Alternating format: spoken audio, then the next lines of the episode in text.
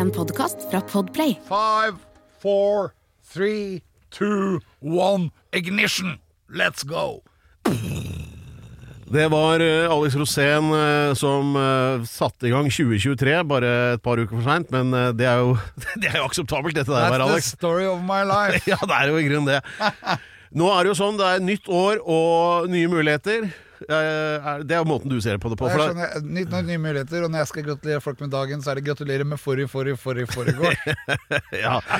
Nei, for uh, de som ikke har fått med seg denne podkasten heter Alex Rosén reiser til Mars, og uh, ja, det er jo Og det heter den fordi vi er opptatt av uh optimisme, glede og fremtidstro. ja, og det er, Men det å reise til Mars, det er jo et mål som er mer hårete enn ryggtavla til en gjennomsnittlig trønder. Så det, det, men det er jo alvorlig ment også. Ja, det er fullstendig alvorlig ment. Ja. Og det er akkurat sånn som Columbus tenkte før han hadde oppdaget Amerika, at nå må vi finne på noe. Ja, Eller så kan det hende at han var dritings og bare seilte helt i vilkårlige retninger. Men Det var Leif Eriksson. ja, ja, det var han, det, ja.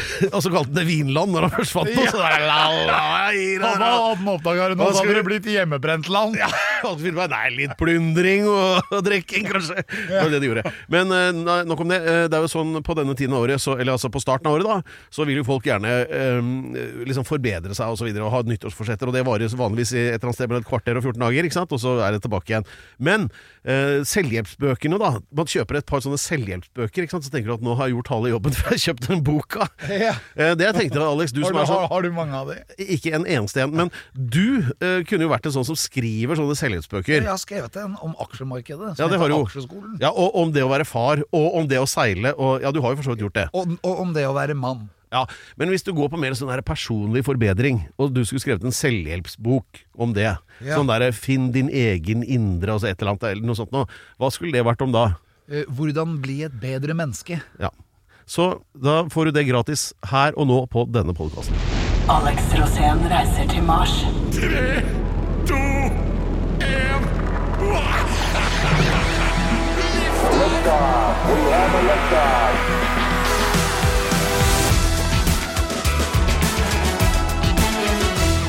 Sånn dårlig innflytelse. Ja, det er, det er godt å vite at det alltid er noen andre sin skyld, ikke sant? Ja. Ja. Men eh, av andre temaer i denne podkasten, eller denne utgaven av Alex Rosén reiser til Mars, hva vil du trekke frem som, eh, som noe du brenner inne med og har lyst til å dele med folket i dag? Det er hvor langt er det vi har kommet når det gjelder eh, å komme seg nærmere Mars. Ja, Og så vil jeg gjerne snakke litt om Mars, selvfølgelig.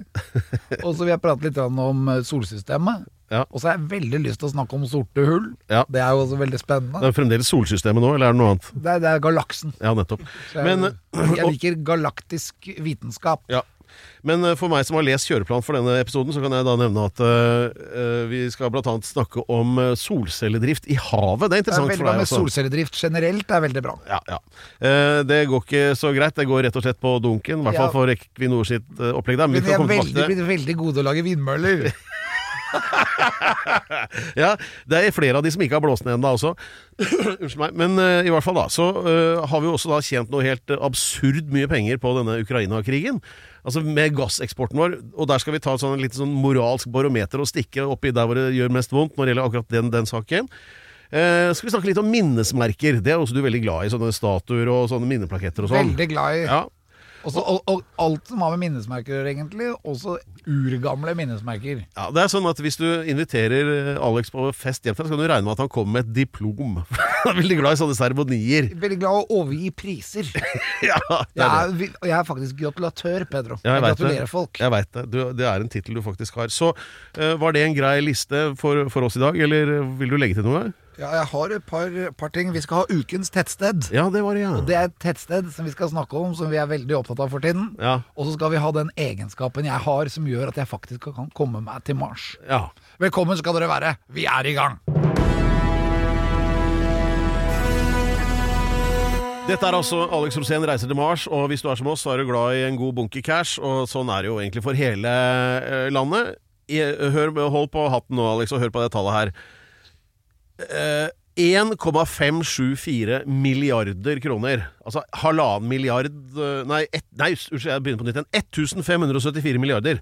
Ja. Altså egentlig da halvannen eh, Hva blir det da? Billion på det norske språket.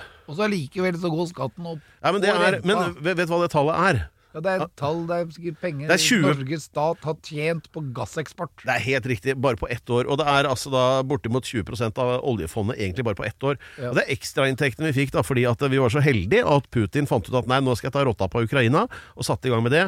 Og dermed forpurret han hele systemet med gassdistribusjon i Europa, og også østfra og til Tyskland f.eks. og sånn.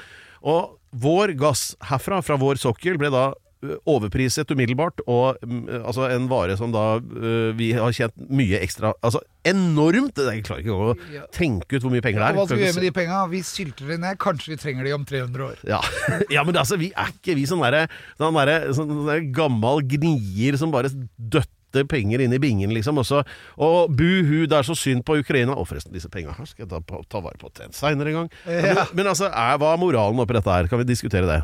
Ja, det Jeg tenker sånn at man som personlig, da, økonomisk, så prøver jeg å spare til a rainy day. Ja. Men så er det rainy day hver dag, da. ja. Men, det jo, men dette er jo liksom penger som går til det offentlige for at de via sin inkompetanse skal kunne sløse det bort. Og, altså, hvor de mange sånne Follobaner kunne vi fått for de penga der, f.eks.? To-tre stykker, sikkert? Ja. Altså, ikke så mange. Nei! vi må jo regne med Det vi skal her. gjøre med de pengene der, er å, å sylte det ned til fremtidige generasjoner. Det er meningen med oljefondet. Ja ja, men eh, det er, Mens den der fattigkøen utafor her, her hvor vi har studio, den vokser og vokser. Ja, de kommer jeg ikke til å se av og noe til for har de stått ved en feiltagelse og fått pølse og fått mat. ja, Alex forteller, altså Vi har jo studio på Jernbanetorget, som egentlig er et slags sånn origo for uh, Ja, hva skal man si, da? De, de, de hjemløse, da. Ja, det er alltid litt trist å gå over der, for det er alltid noen som sitter og fryser. Ja. Så du har stått utenfor der sånn etter å ha vært på jobb her, og så kommer folk og stikker til deg en 50-lapp?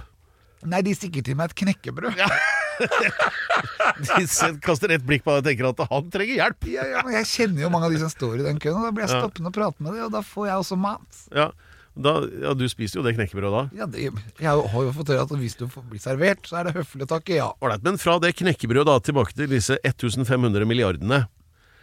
Hvor blir det av disse penga? Hvor blir det av oljefondet? Hva, altså, vi snakker hele tiden om at ja, nå er det jo liksom halvannen million per nordmann i det fondet. Altså, jeg tenker, Ålreit, men gi meg de penga. Ja, det er akkurat, du ser jo, Hvis du har lest Donald, da, så hadde onkel Skru hadde pengebinge. Ja. han badet det innimellom. da Og det er jo det Vedum gjør. Han bader i pengebingen. Ja. Da kan du ikke bruke opp pengene, for da blir jo pengebingen tom. Sånn det- og så begynner det å lukte fjøs han Ja. som skal bade oppi der. Så de skal spare de pengene, og så er det veldig farlig, da, ifølge politikerne, å bruke opp pengene, eller investere de i noe, utenom aksjer, da, selvfølgelig. Eh, fordi at da kan renten gå mer opp. Ja, men det gjør den jo uansett. Ja, helt riktig. Så det er vel et av disse tilfellene hvor den eneste konklusjonen er at eh, ok, we're fucked anyway. Ja. Det tallet det, blir, det er så astronomisk. Det er ingen som skjønner hvor mye det er. Du har litt eh, peiling på det, for at en gang så lagde vi en film for Norges Bank. Ja, Og da hadde jeg én million kroner i tusenlapper i hånda. Ja. Og den var ca. så tjukk. Ja. Og så viste du etterpå hvor mye én milliard var. Og da kunne hele bygningen bak meg bare bli tildekket av penger. ja. Altså forskjell på million og milliard Ja, men det er jo litt Ja, sånn det er helt enormt. Ja, men du vet, Folk du- sier at det, Ja, men nå har de fått ny bru der borte på nabobygda, den kosta jo millioner, den. Eller milliarder, er ikke helt sikker. Altså, for, for folk Ja. så går dette litt sånn i hverandre, da. Men det er tusengangerne forskjell. Og du kan jo da ta uh, Oslo Plaza, det, en av de største bygningene i landet, der, rett der borte. Fortauskanten 12 cm. Det er høyden på en bunke nye tusenlapper på 1 million kroner. 1 million kroner er 12 cm høy. Når det er sånn pressa rett fra pressa. Gang det med 1000. Hvor mye blir det? 120 meter, så det er hele bygget bak. Ja. Det er forskjellen på million og milliard. Ja, Så det er ikke helt det samme. Men i dette tilfellet Hva snakket vi om der? Det var, jo flere tusen milliarder. Ja, eller halvannen tusen milliarder, og det vil si altså en billion. Så det er tusengangeren på 120 meter også. Så det er 120 kilometer! Oi, oi. Da er du utenfor atmosfæren, gutten min. Nei, ikke utenfor atmosfæren, men vi er på toppen av der det går an å fly. Ja, ålreit, da. Så, øh, og da, da, da kan du bygge så mange Follobaner at du, du trenger ikke å ha noe annet enn Follobane noe sted i hele landet, egentlig. Så vi kunne kanskje betalt strømforbruket for 100 år fremover, da. For alle. Nei, det må du gjøre sjøl. Ja, det er riktig. Vi må gjøre det sjøl. Bra, bra, bra, bra. Da var vi på vei videre her. Pedro, våkne opp. Ja, vi skal eh, fra Follobanen, som går da fra Ski til Energi. Og det er oh, yeah. den, var, den var fiffig, Alex. Dette. Det burde jo Follobanen Det skal jeg hete. et øyeblikk, bare notere Det, ja, det må du notere. Ja, det. Det burde jo faktisk Follobanen Ordspill hete. og Alex, hvor skal dette Skal du ta energi til ski? Altså, jeg går over til å si energi isteden, jeg nå. Ja. Jo, eh, du er jo glad i et godt hav, ikke sant? Jeg er glad i veldig mye, Pedro. Ja, ja. Jeg er glad i deg. Ja, det- takk. Full eh, av følelser når det kommer til deg. Det er blir litt urolig med en gang du sier, begynner med det der. Men eh, så til Equinor, som er det nye og mer jålete og teite navnet på Statoil. da Ja. Og der, eh, De driver jo med mye rart, for at de har så mye overskudd at de må eh, rote bort penga på et eller annet. ikke sant? Og da og nå har Ja, og har de rota bort på masse vindmøller som ikke tåler vind. Nei, det er jo bare Ja, det er jo litt dumt. Nei, Det det- viste seg at det, det var, de funka Eller altså, de, det, det gikk helt fint helt til det begynte å blåse. Ja, Da datt jo dritten ned. begynte å brenne. Ja, det var ikke, det var jo synd, da. Og, men så fant de ut at hva med å legge noen sånne solcellegreier ute i sjøen? Det hadde jo vært smart. Ja. Eh, Så da har de brukt eh, Jeg har ikke det tallet, altså, men jeg er bare ganske sikker på at det er jævlig mange nuller eh, på å teste ut dette her da i sånn testanlegg da, for flytende solceller. Eh, og så har de Men nå har de droppet Eller de har egentlig bare bråstoppet det testprosjektet. Ingen vet egentlig helt hvorfor, i hvert fall ikke jeg. Så, men er ikke det egentlig en god idé? For at vi har jo veldig mye eh, areal da, eh, ute i havet. Ja, Og- det kan være veldig bra for fisker også, å ha noe å svømme rundt og gjennom. Og? Hvis du åpner opp litt imellom, sånn at solen kan komme innimellom, så vil der hvor disse solcellepanelene er montert på, fungere litt som flytebrygger. Ja. Så at, og under de så vil det vokse tang, og det vil være oppankringer som gjør at det vil bli litt sånn menneskeskapte, kunstige korallrev, kan du si. da. Ja, ja. Og da kan fiskene svømme under der, og da er det sånne ynglingsplasser, sånne steder som fiskene liker å være. da. Ja, ja altså øh, Uten sammenligning for øvrig. Jeg, jeg leste en gang en sånn artikkel om du vet, dette Great Barrier Reef utenfor Australia, som alle har vært bekymret for fordi at det altså, krymper. øh, ikke sant? Altså, det, disse vekstene under der dør og sånn. Og så var det noen som oppdaga at det var et sånt sted hvor en del sånn bandits da, som hadde dumpa en del bilvrak i forbindelse med litt sånn der shady virksomhet eller sånt noe. Men der vokste korallrev igjen!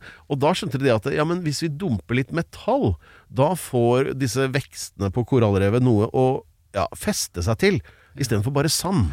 Og stein, det var gunstig, da. Så akkurat det du nå sier, altså ankerkjetting og den slags, det vil liksom gjøre at de underholdsvekstene ja, får- får, får får- næring på et eller Vi annet har vis. luft under og luft over, Også, altså ikke lufta, men vann. Ja. Men da kommer vannet til på steder som eh, er litt sånn kamuflerte. Ja. Og det gjør at eh, planter som vokser der, får mer næring. Ja, ok. Men altså hele dette opplegget da, med sånn flytende solcellepanel, man kan se fra det. Flytebrygger, som du sier, ikke sant? Og, Solcellepaneler er jo det vi burde hatt i Norge, og det er jo, skjønner jo ikke de som tar disse avgjørelsene. Men Nei. solcellepaneler de dreper jo ikke fugler, for det går ikke rundt. De lager energi fordi sola kommer hver eneste dag, og solcellepaneler de trenger jo ikke noe særlig mer enn lys. Nei. Så virker det. Og er det en ting som har skjedd i hvert fall hele mitt liv, så er det hver eneste dag så har sola kommet opp. Se ut nå, eksempel. Det er jo ganske lyst. Ja. Så kan det begynne å bli litt mørkt fordi at det er på vinteren. Ja. Men vi, staker da, som er rundt omkring i hele Norges land, går ofte på solcellepanel, og de virker. De Ja. virker og virker, og det er veldig sjelden de ikke virker. Til og med i Nord-Norge, hvor det er mørketid, så er det nok lys til at de stakene virker. ja. Og så sier jeg sånn, solceller er fremtiden, og det må gjøres i kombinasjon med batterier. Det er veldig viktig, for da kan vi ta vare på energien og selge den når energien er dyrest. Så hvor hadde det vært best å ha solceller? Altså, havet er jo én kandidat, men så kan man jo også se for seg at du kommer dundrende i en båt, og så ser du kanskje ikke de, da. Jo, men det, alt dette her vil stå på kart. Ja. Eh, Akkurat som disse her eh, flytende vindmøllene vil stå på et kart, så vil du, Ja. ha det, du vil ha kontroll på det, akkurat som med skjær. Ja. Men vi har steder på land også, hvor vi har ødelagt områder på land, hvor vi også kan ha solcellepaneler. For eksempel eh, i gruvene utafor oppe i Finnmark, ved Kirkenes. Der er de Sør-Varanger, eller hva disse gruvene der. Ja. Der er det masse, masse områder som er hakka opp for at de skulle finne stein. Der kan det ligge solcellepaneler. Ah. Og da kan de, de kan virke sånn halvveis om vinteren, og trenger bare litt lys. Men tenk deg sommeren, da, når det er sol døgnet rundt. Ja. Vil du bare gli på, og siden vi allerede har ødelagt områdene Det er sikkert sånn i Sulit i Hjelma også, og jeg vil sikkert tro at det er sånn på Hjerkinn, det er masse steder rundt omkring. Mm. hvor det er ødelagt pga. bomber eller utgravninger, få opp solcellepaneler. I Sverige har de skjønt dette. Når du kjører ut av Stockholm, så ser du flere sånne solcelleavdelinger som er akkurat som svære kraftverk med gigantiske solcelleparker. Få det opp og stå. Det er ikke vindmøller, ikke syns de, og de, du kan bygge dem der hvor det allerede er ødelagt natur. Men nå har jeg et forslag til deg. Du som er sjømann, ta en vurdering på dette. Du, eh, nå eh, Før nyttår, da kåret du eh, Glastad på Vega eh, på Helgelandskysten som årets tettsted. Årets tettsted! Og da Vi var må det- gratulere! Ja, ja. Gratulerer, eh, Vega! Men da fortalte du også om eh, altså, hvor mange sånne småøyer og skjær det var uh, rundt der. Tusenvis. Ja, men, og der er det jo farlig da å seile? Fordi Ja, at du kan gå på grunn farlig, da men kunne man, kult. Jo, jo, men da kunne man jo tatt også kombinert, da, altså lagt det som en sånn solcellepark med markører, sånn at uh, folk som kommer i båt, da ser at nei, ok, der skal jeg ikke seile, for da går jeg på grunn. Og samtidig så lager man strøm. Var det en god idé? Eller ødelegger Ja. du kysten da? Jeg vil tro at det ikke akkurat der, for det er så innmari pent når du kommer inn der, og så vil du gjerne seile mellom disse øyene, ikke sant. Men jeg skjønner tanken din. Ja. Men det som er farlig, da, er å gjøre det på grunt vann. Fordi på grunt vann så bruker ofte de eh, biologiske mangfoldet da, som er på grunt vann, de bruker veldig mye solen for å leve. Sånn at det er bedre å antageligvis legge flytende solceller på litt dypere vann. Der, hvor, der hvor ikke disse her eh, små kamskjella og eremittkrepsene lever. ikke sant? Ja. For det, De kan godt hende at de begynner å leve der òg, men da lever de liksom langs ankekjettingen. da. Ja. Eh, jeg er jo ikke ekspert på det her, men det jeg tenker på er at eh, det er viktig å tenke solceller istedenfor å ha masse vindmøller som ikke virker, eller som ikke tåler vind. Det er veldig godt oppsummert, og det er nettopp pga. denne typen innsikt at du bør fortsette å lytte til Alex Rosén reiser til Mars. Med solceller på ryggen. Ja, da er vi tilbake her fra Alex Rosén reiser til Mars. Ja. Three, two, one. Ja, Planen til Alex er å være blant de første som får være med Elon Musk sitt Starship til eh, Mars. Ja, det har vært veldig bra å komme med i den første. Den har ikke gått ennå. Nå står Starship faktisk ferdig montert på Starbase. Ja, Som eh, Elon kaller da Cape Canaveral, tror jeg. Ja. Kan hende at den står i Texas også. Ja. Men i hvert fall, Starship er ferdig montert. Og nå eh, har jeg lest på Starship sin Twitter-konto at eh, det er ikke lenge til før den skal ta denne eminente turen rundt jorda. Ja. Og den har vi venta på siden februar i fjor. ja, Så det har jo vært litt utsatt. ja. Og, men, men når dagen kommer at reisen til Mars skal foretas, da har Alex planer om å være med. Og han har mange grunner for at han passer til det, og det skal vi straks komme tilbake til. Men nå først, la oss holde oss litt i havet, som vi var inne på. Og en annen som har vært ute på tur med skip, men eh, da mellom eh, ja, Asker og Steilen omtrent, da, det er eh, vår alles Håkon Magnus, altså Krompen. Eh, fordi han er veldig interessert i å sjekke er det noe fisk igjen i Oslofjorden. Jeg, altså, han var på tur aleine. Ja, for at, eh, vi har en båt uh, uti der som heter eh, FF, vet ikke hva det står for. F eh, Fast. Folkeferje? Fast ikke. forward. Kanskje det. Som heter Trygve Brårud. Vet ikke om det var heller. Men dette er da en båt uh, som de reiser rundt og kartlegger livet i Oslofjorden, og det har vært ganske mørkt.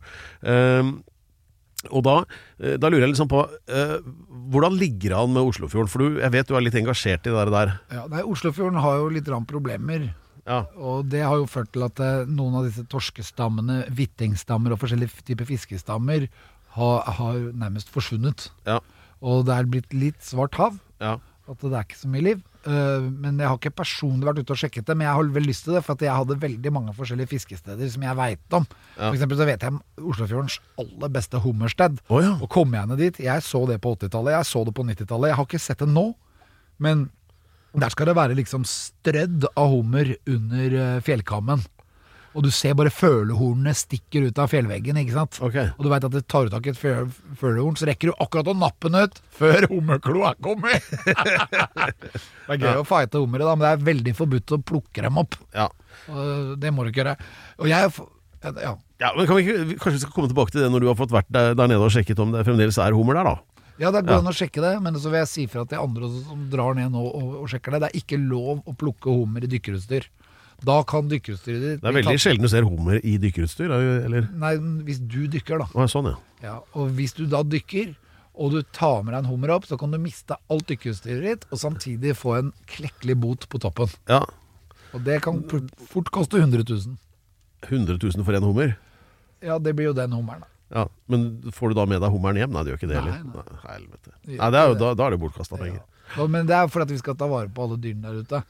Eh, Det som er viktig nå, da, det er å tenke på de, de- som forsøpler mest. For det er det vi egentlig må gjøre. Ja. Og da, det, da kaster jeg inn en brannfakkel. Og de som forsøpler aller mest i Norge, det er faktisk bønda. Og det er litt eh, kjipt å si, for det er trå den varsomt nå. sterkeste lobbyvirksomheten som fins i hele verden. Og ikke bare i Norge, men det er akkurat likt i Brasil, det er samme i USA. Det er antageligvis det samme i Ukraina, selv om vi ikke veit det nå pga. krigen. Men bønda kjemper hele tida mot eh, de- der hvor du har eh, regjeringsmakt. Ja. Og så er de bra på det, fordi at de har fått så mye bra til, sånn at de, er, de har fått viktigheten av seg sjøl veldig opp. Men de er faktisk de som må skjerpe seg når det kommer til havet og Oslofjorden. Ja. Fordi de slipper ut veldig mye kunstgjødsel ved hjelp av regnvær som tømmer jordene, og så renner det ut. Og det lager oksygenfattige lommer utover kysten. Ja. Så vi må finne ut en måte hvor bøndene kan ta vare på spillvannet. Og hver gang dette diskuteres i NRK, så blir det snakk om liksom bøndene som står hardnakket på sitt, og så sitter naturvernerne og er veldig forsiktige med å fortelle hva de mener. Men her må man faktisk stikke fingeren i jorda og tenke på hva er det vi egentlig driver med. Og det som det ser ut som, det er at bøndene må lære seg å dyrke maten på mindre arealer og i etasjer. Altså Det du egentlig sier, er at eh, eh, bøndene har vunnet over fisken, på, på en måte. Altså at vi har masse brød, men lite torsk. Helt riktig. Ja. Og det, men det som vi kan gjøre nå, det er å få bøndene til å tenke mer natur, naturvennlig. Og så ta vare på det spillvannet. Og da får vi også frigjort veldig mange jorder vi ikke behøver. Hvis lenge de klarer å dyrke i etasjer på mindre område. Ja. Og de jordene Der kan vi ha festivaler. Nei, de, men de kan selvfølgelig eh, eh, gro igjen og bli urskog igjen. Ja. Men det andre de kan gjøre, er å bruke noen av de jordene til å sette opp solcellepaneler. Ja. Her er Her ser du sirkelen er sluttet. Det er, det er eh, hode og hale på Ja, innholdet dette her, her. her er en fornying. Jeg Ja. elsker bønder. Jeg liker å råne sammen med dem i Bø i Telemark på bakhjula. Ja. Og jeg liker å kjøre motocross gjennom bondeeid eh, enduroløyper. Ja. Men vi er bare nødt til å tenke sammen. Ja. Sånn Nei, det, eh, det, jeg blir så glad alltid når innholdet i denne podkasten henger sammen, at det fører til noe. Så la oss derfor da switche over til aids. Fordi Uffa meg. Ja, for du er så glad i en god plakett og Ja, men statue jeg og sånn. hater å prate om sykdommer, for du Ja. vet jo at jeg er en gammel eks-hypokonder. Med unntak av X, så visste jeg det, ja. Men eh, så eh, det er jo sånn nå at nå tas det til orde for å sette opp en eh, minneplakett, en 40-års eh, commemorative altså minneplakett for gjett hva? Eh, jeg holdt på å si Karl 12., men han er ikke hypp på Nei, altså det er da to eh, torsdag, torsdag 19. januar. Da er det 40-årsjubileum formelt sett, da, for Altså noe som skjedde torsdag 19. ja- januar 1983. Oi, 1983. Da ble Arne Treholt arrestert. Ja, det er nært i tid, men det var ikke det. Eh, Det var den første aids-diagnosen. Og det var det, ja. Ja. Yes, Skal vi feire det, 83? syns du? Skal vi feire det? Nei. Det sier jeg ikke vi skal feire. Nei. Fordi at det var jeg livredd for allerede da. Og er det fremdeles? Jeg husker etter en, etter en litt eh, Etter en litt sånn eh, halvbra planlagt tur til Brasil, og etter at du hadde vært og avlagt blodprøve på Olafia-klinikken, da, var- da, var det mye- da var det mye svetting utpå før den eh, kom, denne Men du hadde jo ikke det. Jeg begynte men, jo i 84. Ja, med hva? Altså 83 var der, og så 84. Det, allerede da var jeg på Olafia-klinikken. var i faresonen for en hel rekke lidelser. Ja, Men, aids i hvert fall. ja. Nei, men uansett, Det da. Det jo jo, det var jo pest. Det ble sett på som pest. Det var verre enn korona og korona. Ja, det som, ja, En annen ting som har blitt sett på som pest, er liksom min, mitt forslag om å ta opp dette temaet da, fra research- og produsentavdelingen, for det er litt sånn ømtålig. Men uh, vi, vi prøver oss allikevel, fordi at uh, Ja. Um, hvorfor skal vi det, det er nå en sånn pressgruppe som prøver å få opp en sånn der minneplakett for dette, altså for aids. da, For det er ja, 630 nordmenn døde av aids på, eh, og nå er det jo ikke så vanlig at det skjer lenger, for at man har jo behandlingsmetoder. Unnskyld. Men, uh, men, men why? Altså, det er jo mange sykdommer som tar livet av mange fler. Og da er det jo Er det nå lov? Nå er jeg inne på uncharted territory her, og det er litt farlig. Eh, men det er jo da gjerne eh, Dette er en sånn derre streit og ikke-streit-type situasjon her nå, ikke sant? Altså, hvem tror du er i de pressgruppene? Jeg vet ikke, men jo, det er jo alle mulige. Ja. Og det er bare at det, så lenge du er glad i å kneike, så kan du havne i den pressgruppen.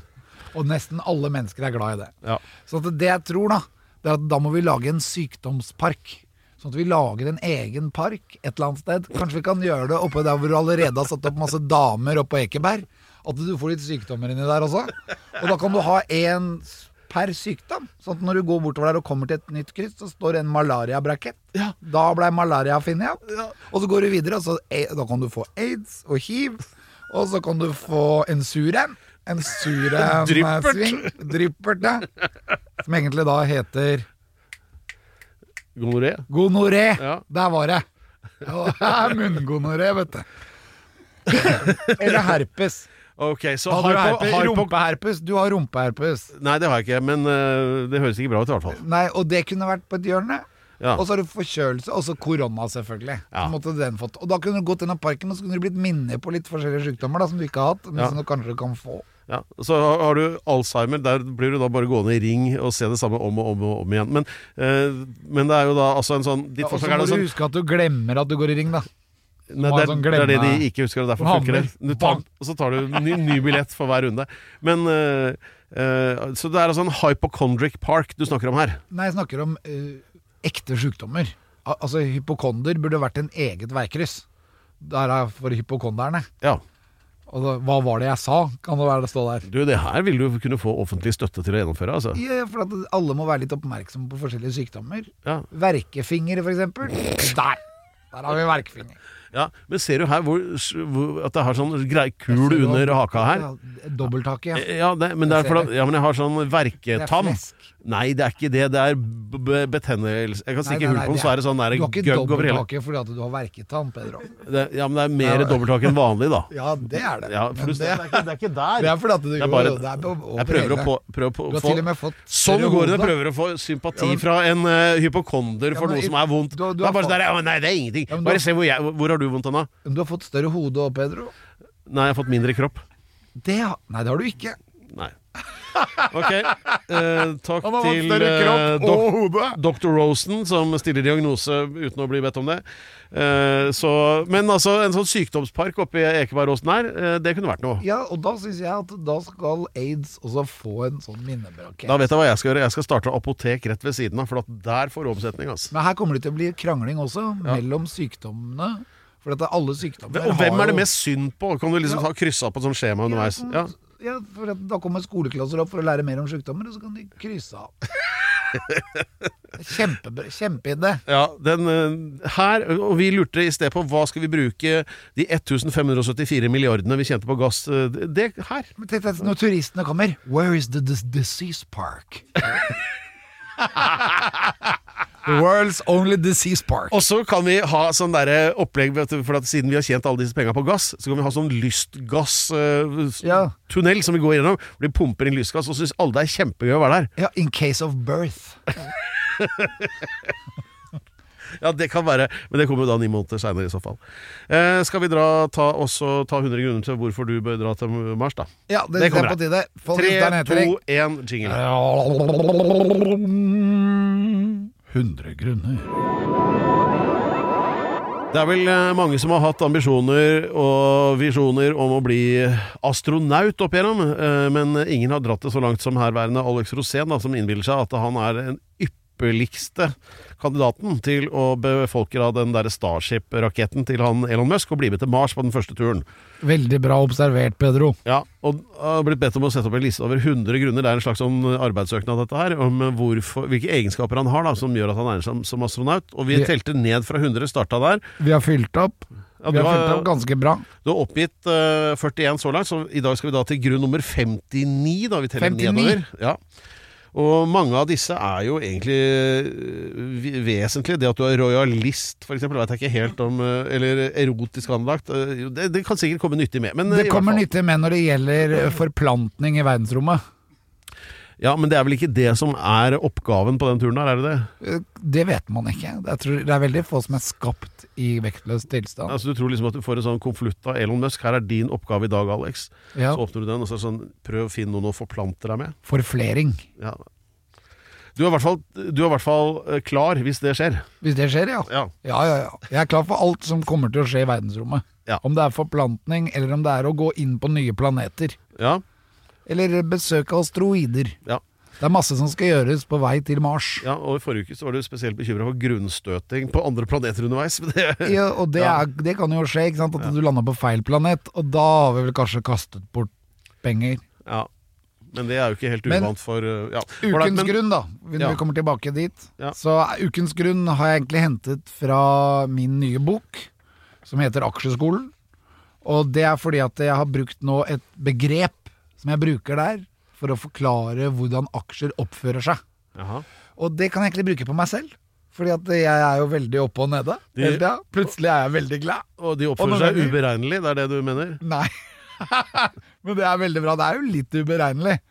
Men uh, ukens grunn dreier seg om at jeg kan være uh, Bisarr og usammenhengende. Ja, og bis, men bisarr, også det motsatte. Normal. Ja. Samtidig så kan jeg være kjedelig, men, så, og, men gøyal. At jeg, har, jeg kan være forskjellige steder Ja. til enhver tid. Uh, og dette her vil jo være veldig viktig når det gjelder f.eks. også Nils Bohr eller kvantefysikken. Ja. At man kan oppleve ting som skjer samtidig på forskjellige steder. Uh, og derfor har jeg tatt et av de begrepene for å forklare hvordan aksjer oppfører seg, som en av mine egenskaper. Bipolar. Bipolar aksjer. Har du hørt om Okay, jeg, vet ikke, jeg prøver bare å gjette. Nei, uh, Pedro, ukens egenskap er Alex Rosén er volatil. Volare Cantare Han er Volatil betyr vel at du er litt sånn uh, flytende og udefinerbar, er det ikke det der, da? Nei, det betyr at det går mye opp og ned. Ja, man, man snakker jo altså volatile f.eks. om sprengstoff. Det vil si at uh, vær forsiktig med det, for at du vet liksom ikke helt hvordan det vil oppføre seg. For det kan smelle når som helst. Det, Ja. det er jo volatil. Altså det er en faremoment ved det. Uh, Og dette er en egenskap du har. Ok, Det, det høres ut som noe jeg vil ha med i en rakett, ja. Ja, men det er veldig bra. Og, Volatil. Ja, å være litt oppe og nede, sånn at Ja. man har forståelse for når folk er veldig lei seg. For det kommer til å være sånn psykisk, så kommer du til å være litt sånn rar når du har sittet i fire og en halv måned, og du vet at du bare er halvveis til Mars, og så har du ikke sett en eneste planet ut av vinduet. Det eneste du har sett, er masse stjerner, og det er mørkt, mørkt, mørkt hele tida. Og da tenker jeg sånn at eh, da kan jeg komme inn, og så kan jeg bare si sånn la-la-la. Å, herregud. Dette har jeg levd med i så mange år. Ok, så der, det er da ukens selvpåfunte øh, egenskap. Og, altså litt sånn oppe og nede, som Alex øh, sier da. Og slagordet blir jo da oventil, nedentil, volatil. Ja, eller eh, minne folk om det å være menneskelig. Det går an å være oppe og nede her i verden. Mine volatile egenskaper. Ja. Vær så god. Gratulerer med dagen. Jo, takk. Ukens tettsted.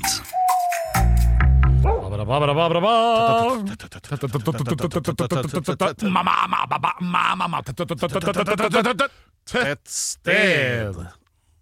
Ja. eh, Det er eh, for eh, den observante lytter det segmentet der vi kårer et tettsted. Eh, til- altså, men av, av norske uh, Ja, men la meg bare forklare først, så folk skjønner det. Uh, Alex driver da og gjør research i Norge, kjører rundt og vurderer ulike tettsteder. Han er veldig glad i tettsteder. Uh, For å finne noe som kan gi, er så bra at det bør gjenoppbygges på Mars, når liksom infrastrukturen skal på plass der. Og han går nå i T-skjorte med Båstad, står det på Nei, Båsta Båstad. Båstad, ja. Båstad Rebel City. ja. Og hva er det med Båstad? Et fantastisk tettsted som er veldefinert. Samtidig som det liksom har helt klare grenser. Så ligger litt i skog, litt på et jorde. Og så er det liksom alt innenfor det tettstedet. De har kirke, butikker, skole. De har alt, liksom. Så det er et av, et av mine favoritter. Ja, og du kåret det i fjor, ikke sant? Nei, forfjor, fjor, tror jeg. Ja, det begynner å bli lenge siden. De Så har, et eh, bra tettsted er veldefinert, men med klare grenser, er det du sier? ja, ja, absolutt. Hva faen betyr det, liksom? Men det det betyr sånn der, bare blar opp i fremmedordboka bare sånn der, brrr, og setter fingeren dit. Veldig definert. Ja, det er fint. Jeg tar det. Ja. ja, men det betyr at det har At det er Her ligger tettstedet. Ikke sånn som for eksempel Ikke der borte. Nei, men når vi kåret, nei, når vi kåret Våtvoll, Ja. så hadde jo de ikke Var ikke så veldefinert. Nei, det var jo egentlig ikke noe der.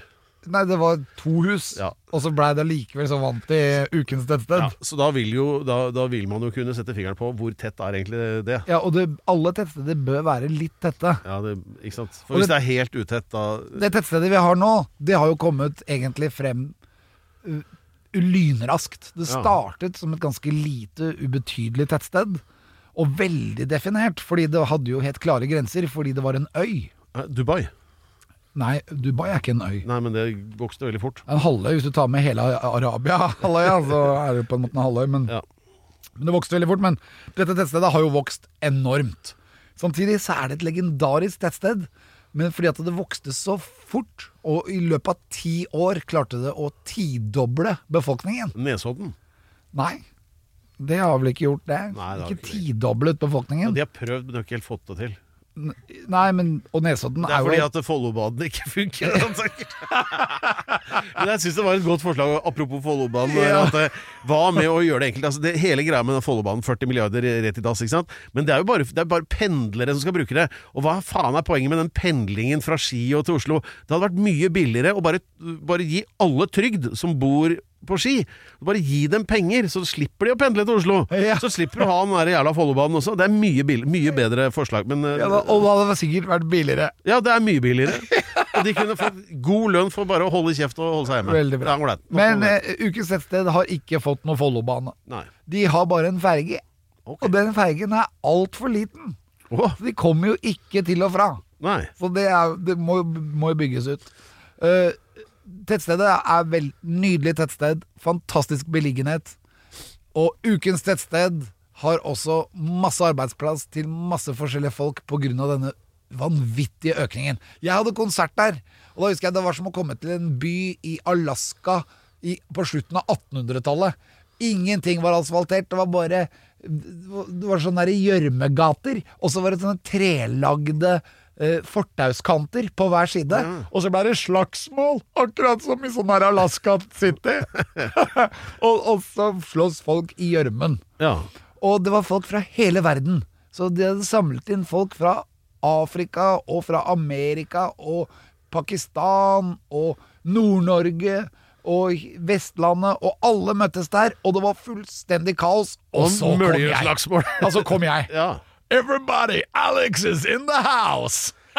og da skjønte jeg det, at dette her bør jo bli ukens tettsted. ja. Ukens tettsted, mine damer og herrer, er Aukra! Aukra, dere! Ja, det er jo Ja, ja klart Aukra. Er ikke det, er ikke det Romsdalen, da? Eller eh, Molde-ish? Ja, det er det. Så, men Helt ute i havet der. Jeg så for meg noe som var på en mye mer forblåst og Ja, det er ganske forblåst der. Det ligger helt i havet. Ja, det er jo sant, da, for så vidt. Men altså at det ligger litt lenger unna liksom resten av eh, landet, på en måte. Men, Ja, eh, det gjør det. Det ligger ved Finnøya, og ikke så langt unna Ona. Så det ligger Ja. liksom på øyene, ligger liksom litt på rekke og rad der. ja, Ona Og- dos quatro heter de tre. Ja, og så og så har du Misund litt innover. Sånn at det var mange steder Altså i Molde, ikke Ja. så langt unna. Nei, nettopp. Så det er et veldig flott sted. Og jeg ble så imponert her, for de har jo puttet inn noen gassrørledninger. Og det gjorde at de måtte bygge om, og så fikk de jo så mange mennesker til dette tettstedet, så det forandret seg jo Så det fullstendig. er der, der er penga, ja. Ja, så jeg tenker at da har vi med et sånt gasskraftverk til Mars, ja. så kan vi jo kanskje bruke det, da. Greit. Uh, Alex prøver å tilegne seg en sånn ordførerkjede, eller i hvert fall nøklene da til tettstedet. Aukra! Ja, Gratulerer! Hei, hepp, hepp!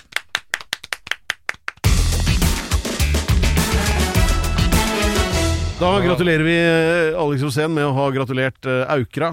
Aukra, altså jeg glemmer aldri. Det grenser til Hustadvika, fikk vi høre her. Men det er ikke helt Hustadvika, men det Pedro. grenser til. så Og vi er jo- vet, vi vet hva vi kaller deg, Pedro. Pedro Gianfranto Locadella de Hustados. Det er riktig.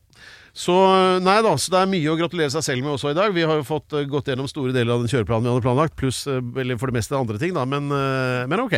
Vi er, Ja. Du er happy? Og så har vi fremsnakket solcellepaneler eh, fremfor vindmøller. Det er jo hyggelig. Det gjør vi hver uke.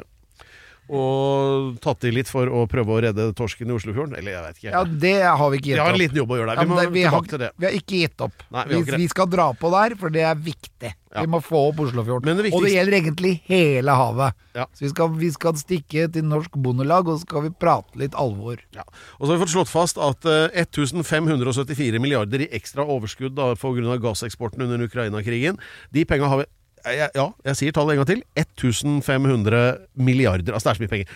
Ja, men En, du, en av tingene, et av tiltakene er din geniale, briljante idé, Alex. Den derre sykdomsparken eh, som da skal hete Hva var det igjen? uh, Disease Park. Disease Park. Ja, da kan man gå og, og, og fordype seg og la seg be, be, altså glede da over ulike sykdommer det er mulig å få. På fransk blir det Parc des Terribles.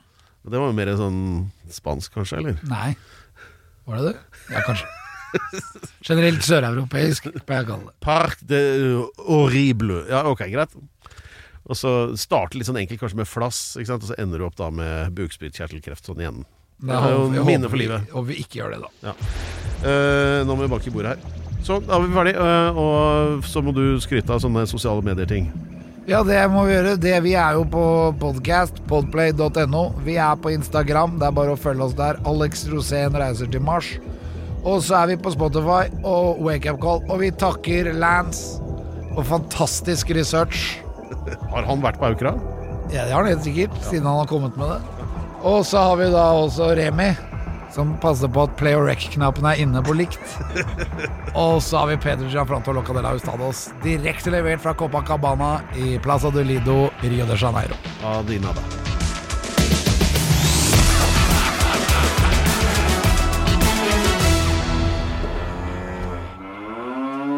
Du har hørt en podkast fra Podplay.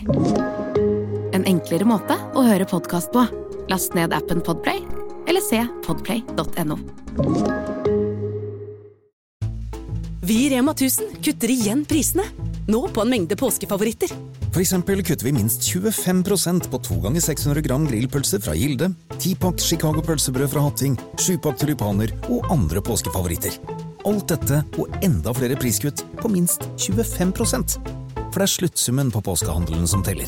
Og husk at vi fortsatt har fryst prisen på over 1000 varer.